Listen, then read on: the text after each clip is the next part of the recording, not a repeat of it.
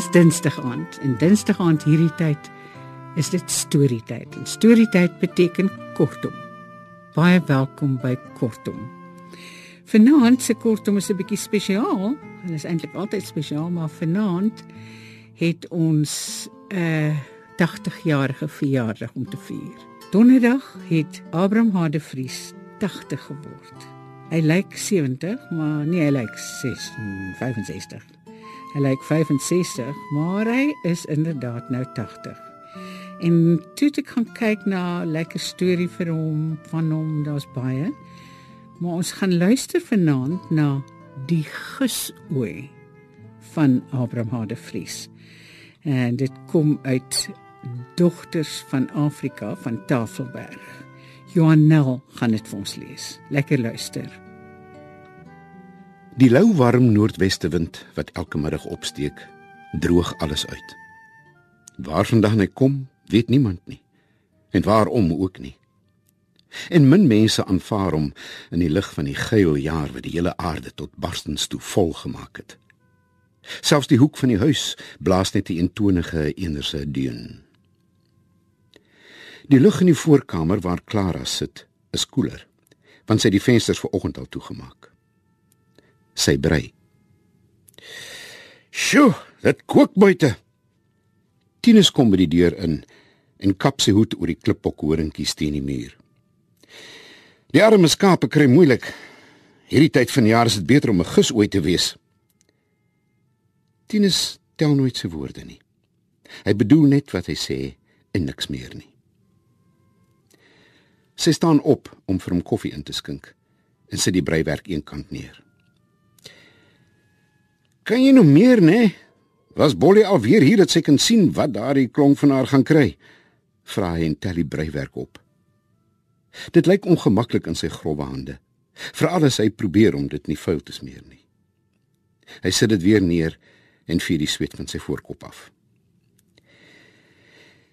Jy kan maar Johanna nie kom bys kom was sê sy toe sy die bloed sien. Hy staan op.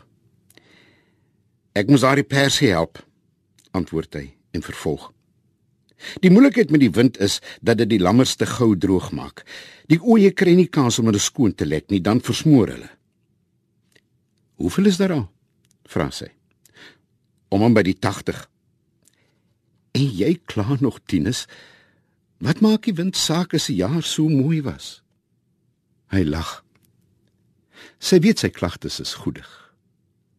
Die jaar was dragtig tot dusver. Jy kan dit sien as jy by die venster uitkyk. En jy kan dit hoor in die loom tevredige blær van die skape in die takkraal agter die huis. 80 het Tinus gesê. Terwyl hulle besig is om in die koel voorhuisel koffie te drink, praat hulle nie veel nie. Hulle is al 3 jaar getroud. Vir die soveelste maal kyk sy die kamer deur en sien sy hoe netjies alles op hulle plek staan. Die mat, die stoele, die asbakkies op die boekrak en op die tafeltjie. Tinus se hoed aan die horing. Niks is uit hul plek nie.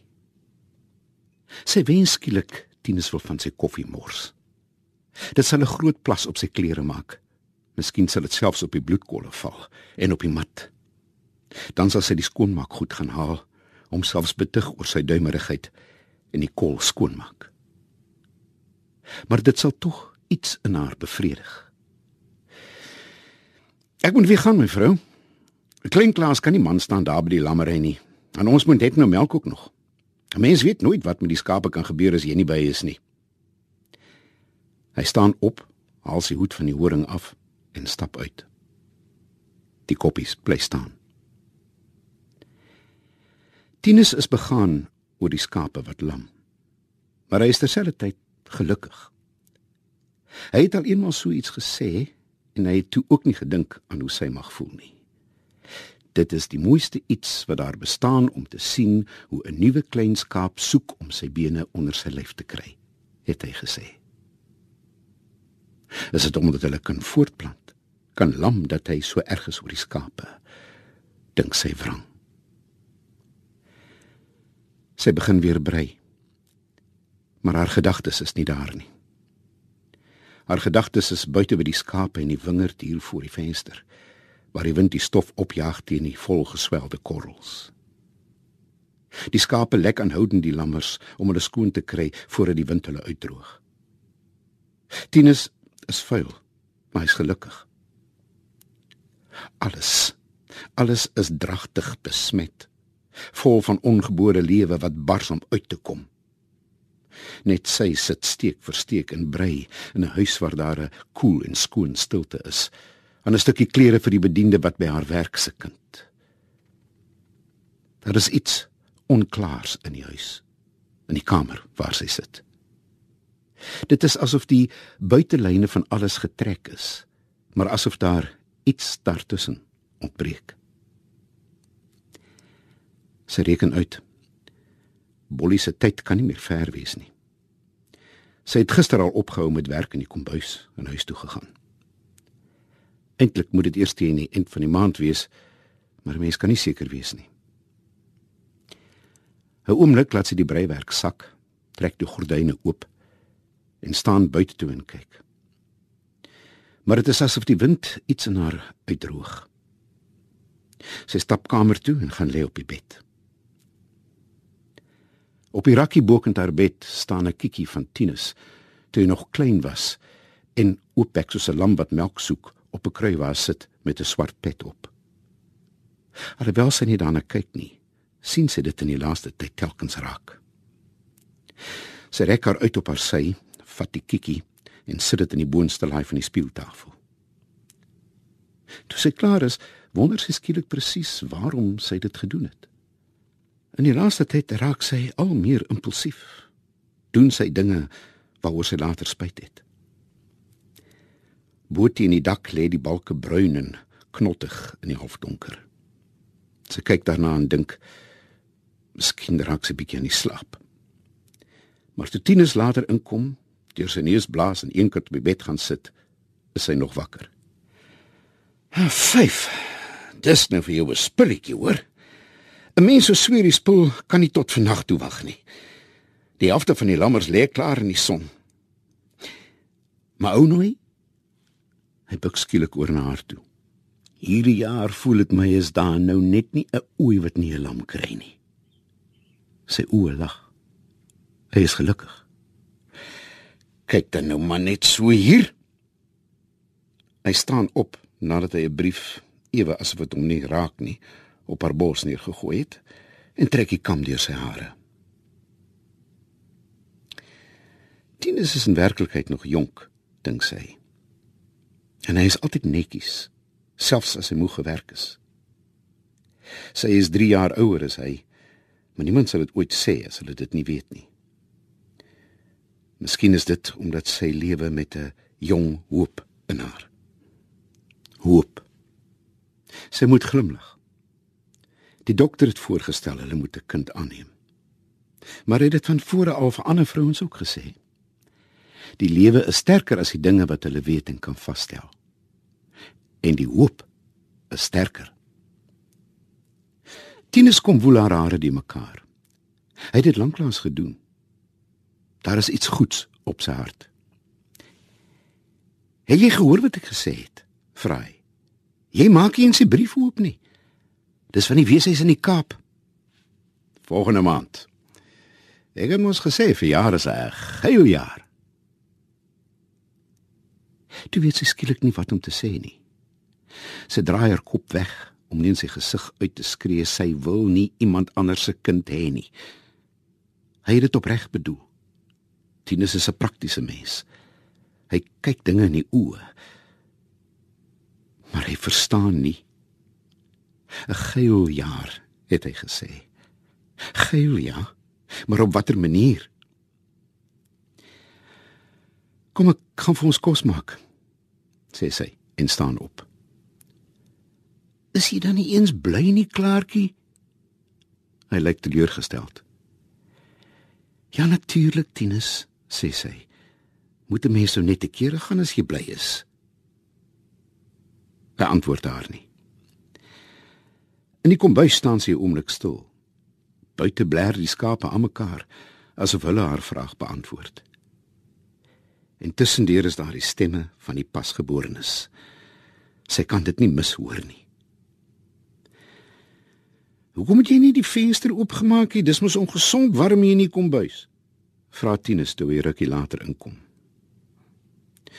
Dis die smeulstoof wat die vertrek so warm maak, antwoord sy. Sy kan nie slaap raak nie. Hulle het die venster van die slaapkamer wyd oopgesit sodat die naglug koel kan intrek. Maar dit is nie die bedompigheid wat haar wakker hou nie.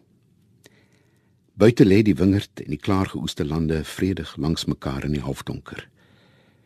Dit is net die stoppeland wat blink. Die wingerde is donker omdat die blare donker is. Maar die stoppeland is leeg, dink sy. Klaar met die oes. Dis van volheid en van lewe wat die wingerd donker is. Langs haar slaap Tinus vas van die moegheid. Sy kan dit nie kwaadlik neem nie. Tinus voel nie die dinge wat sy voel nie. Hy is die hele dag buite besig, sien die saad in die grond ingaan en later voldra word in die oes. En hy is prakties genoeg om droë jare te aanvaar soos die vet is. Oor 'n maand het hy vanmiddag gesê. Cecil moet begin voorbereidings maak. Daar sal 'n nuwe klein mens in die huis kom. Hy moet die plek inneem van die een wat sy nooit kon hê nie. Die plek wat altyd so netjies was, sal omgekrap wees soos hy dit altyd graag wou hê. Miskien sal daar selfs meer as een kol op die mat wees, miskien nader aan soveel dat sy nie meer sal omgee nie. Hoe meer sy reken wat sy alles moet hê, hoe meer loop haar berekeninge verkeerd. Dis asof sy iets moet doen wat teen haar sin is en asof die natuur elke keer 'n ander gedagte instoot vir ewewig. Sy moet aan haarself erken Tinus het gelyk gehad toe hy gesê het sy is nie geesdriftig nie. Hm, hoekom sal sy wees? Dit is nie haar eie kind nie. Dit is soos iemand wat hier kom bly, maar geen deel het aan die huisgesin nie. Dit nooit kan word nie want lewe kan nooit die plek inneem van wat nooit anders as in die verbeelding gelewe het nie. Selfs al lyk hy ook later so Tinus, sy neem ook byvoorbeeld anders 'n seentjie en die mense sê hy's 'n pure masyn, sal sy weet hy is dit nie. Hy's 'n vreemdeling. Hy sal dit van die begin af wees. En waarom? Waarom? Die gesoe is gelukkig, het Tinus gesê. Het hy geweet van wie hy praat toe hy dit gesê het. Miskien sou hy dit dan nooit gesê het nie. Maar hy het toe al geweet van die kind in die weeshuis. En hy is te spontaan om tweemaal te dink. Sy staan op. Tinus word nie wakker daarvan nie. Miskien dink sy en sy weet met 'n ironiese glimlag dat dit sentimenteel is. Miskien dink hy aan die skape wat hy vanmiddag gehelp het en aan die lammers wat na buite lê. Miskien groei hulle in sy droom en spring die een na die ander oor die kraalhek. Van skape tel raak 'n mens nie slaap, het hulle altyd gesê. Sy het nie vir Kebols sien kom nie en skrik af toe hy buite die venster na Tinus roep. "Maar sê meneer moet asseblief die dokter laat kom, meneer." En ma vra of mevrou nie so lank so intoe sal kom nie. Tinus word wakker. "Gaan jy so lank en kyk dat alles reg is?" Ek sal die dokter bel en vir hom hier wag, stel hy voor. Sy trek haar rok aan, bind 'n doek om haar hare en stap al met die rivierpaadjie langs na die kleurlinghuisie toe. Net die skape is lewendig. Verder is dit doodstil. Net die skape en ek, dink sy. Maar sy het nie kans om die gedagte trek te gee nie. Tog laat dit 'n gevoel agter wat haar nie toelaat om die nag om haar raak te sien soos toe sy nog 'n jong meisie was nie. Toe sy die voordeurtjie oopdruk, moet sy haar oë 'n paar maal knip om aan die donker gewoon te raak. Die drie kersse wat sy vir Bolly gegee het, lê langs die pitlampie wat rokerig brand. Sy steek hulle aan. Toe kan sy maar net sit en wag dat die dokter moet opdaag, want die groot pot kookwater hang reeds oor die es. Een of twee maal het sy gesien die vrou glimlag met haar as sy vra wat sy moet doen. Polly het al 4 kinders in die lewe gebring. En dit was nie altyd die vooruitsig van 'n dokter nie. Die pyne kom met rukke en raak intenser. Maar tussenin wanneer sy stil lê, kan sy sien daar is 'n glimlag op die vrou se gesig. Sy is gelukkig, dink Clara. Die huisie is karig gemeubileer. Daar is net die bed en een kant 'n lenlam tafel. Verder hier en daar 'n kassie. Dis al die vierde maal, mevrou. En seker die laaste maal. Maar Klaas wil so graag nog kinders hê. Ek kan skaars vir hulle sorg, maar as hulle nie daar is nie, mevrou, dan mis 'n mens elkeen van hulle. Die vierde. Clara staan op en maak die boordeurtjie oop. Tinus en die dokter bly lank weg, dink sy. Sy skrik amper toe sy omdraai en hulle die deur van die ander kant af oopstoot. "Ou Bonnie, dit lyk vir my jy het my amper nie meer nodig nie. Kom ons kyk wat ons kan doen." Groet die dokter. Hy buig oor die bed en skuif die kussings reg. Mevrou het gevra wat sy moes doen, maar sy weet mos nou nog ook nie, dokter. Sy het daarom baie gehelp, sê Bolly. Clara draai haar kop weg. Tinus sien nie hoe sy die deurtjie met haar hande vasvat nie. Dit is vir hom net snaaks toe sy sê: "Wag, jy maar hier in die kombuis tot die donker klaar is en bring hom. Ek gaan kyk dat daar koffie vir julle is." Maar hy laat hom dit wel geval. Voor die hekkie van die tuintjie wat hardnekkig teen die elemente hou en groot dahlias dra, gaan sy oomblik staan. Alhoewel dit lou is, voel sy koud en leeg. Sy het iets in die eenvoudige huisie agtergelaat. Iets wat sy nie die naam van weet nie. Maar nou dat sy buite staan, weg van die intieme kring daar binne af, is dit asof daar iewers in haar hele samestelling 'n voorskol is. Dokter drink nie melk in sy koffie nie, dink sy. En stap in die voetpaadjie langs tussen die hak en steekdeur. Die naglug waai haar rok teen haar bene vas. Sy gaan staan omdat dit haar stap belemmer. Dinus het gesê dis beter om hierdie tyd van die jaar ges ooit te wees. Dit bly haar by. Beter ja, maar as hierdie tyd van die jaar aanhou, As die lewe om haar kom en gaan en sy soos 'n eenkantboom staan en nooit vrugte dra nie. As alles tot barstens toe vol is en die wind hier teen haar moet aanwaai soos teen 'n stoppeland, wat dan tinus? Toe hoor sy dit. Duidelik, asof dit vir haar bedoel was en skerp bo kan die geblær van die skape hier langs haar uit. Die kind se eerste skree. Dis grof en wild die herhaling van baie daarvoor en baie daarna, die herhaling van die lewe self. Dis asof dit agter die wind is wat skielik weer haar rok teen haar waai, asof dit met haar spot. Sy staan stil, soos 'n skaduwee wat vorm aanneem en skielik voor haar staan. Weet sy wat sy agtergelaat het? Dis swart daar teen die kop waar die kleerlinghuisie staan soos die wingerde swart is. Haar man is daar.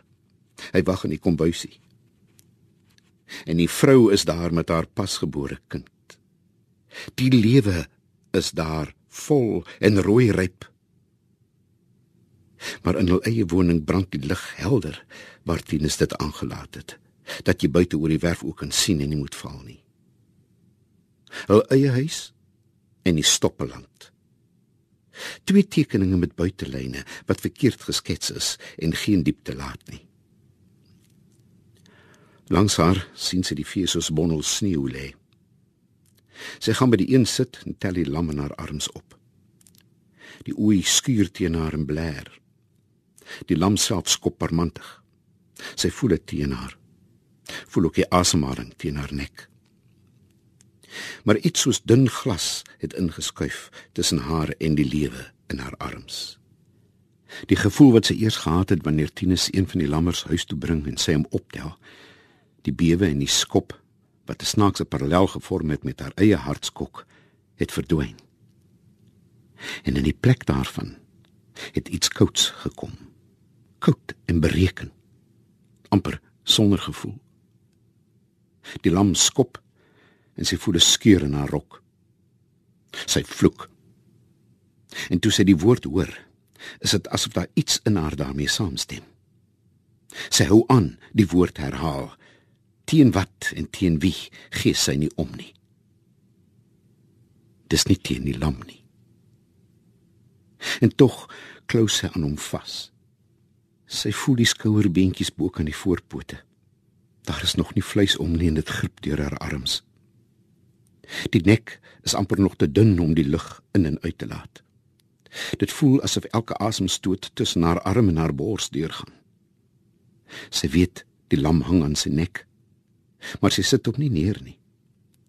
Daar is iets in die rukkerige beweging van die asem en in die bewerigheid van sy hele lyf wat haar raak op 'n snaakse koue manier raak en met elke beweging 'n teengevoel in haar opbou.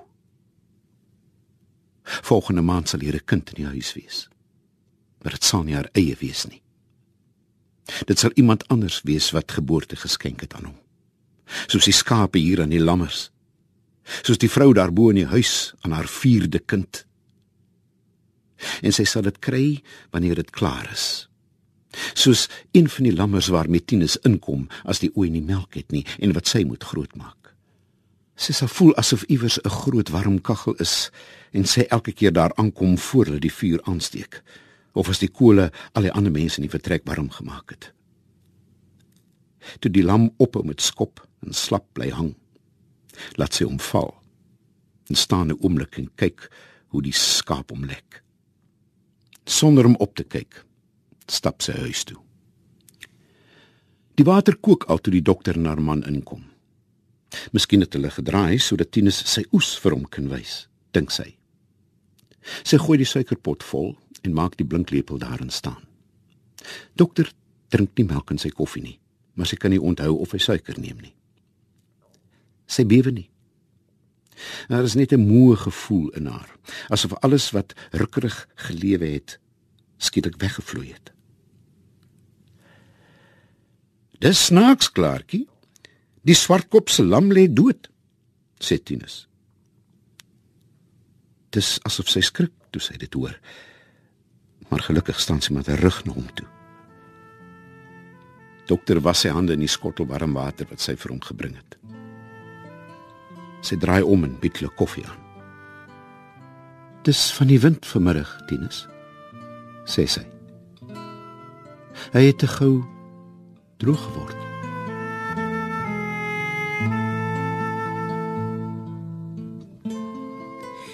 Johan Nallet vir ons Abraham de Vries se verhaal Die Gusooi gelees. Dit kom uit Dogters van Afrika wat 'n bundel van Tafelberg is. Van my Margolite alles van die aller aller allerbeste veral vir Abraham Hade Vries. Mag dit met ons almal en veral met hom baie goed gaan. Totsiens.